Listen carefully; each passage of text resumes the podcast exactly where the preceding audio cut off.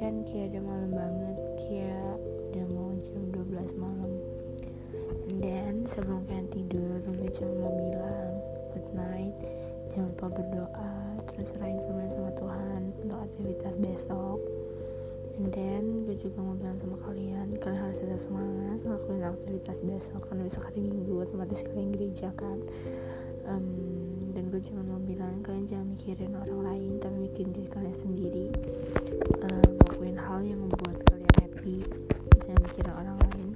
tetap semangat ke depannya kalian harus tetap tersenyum apa pun yang terjadi sama kalian like kalian harus happy.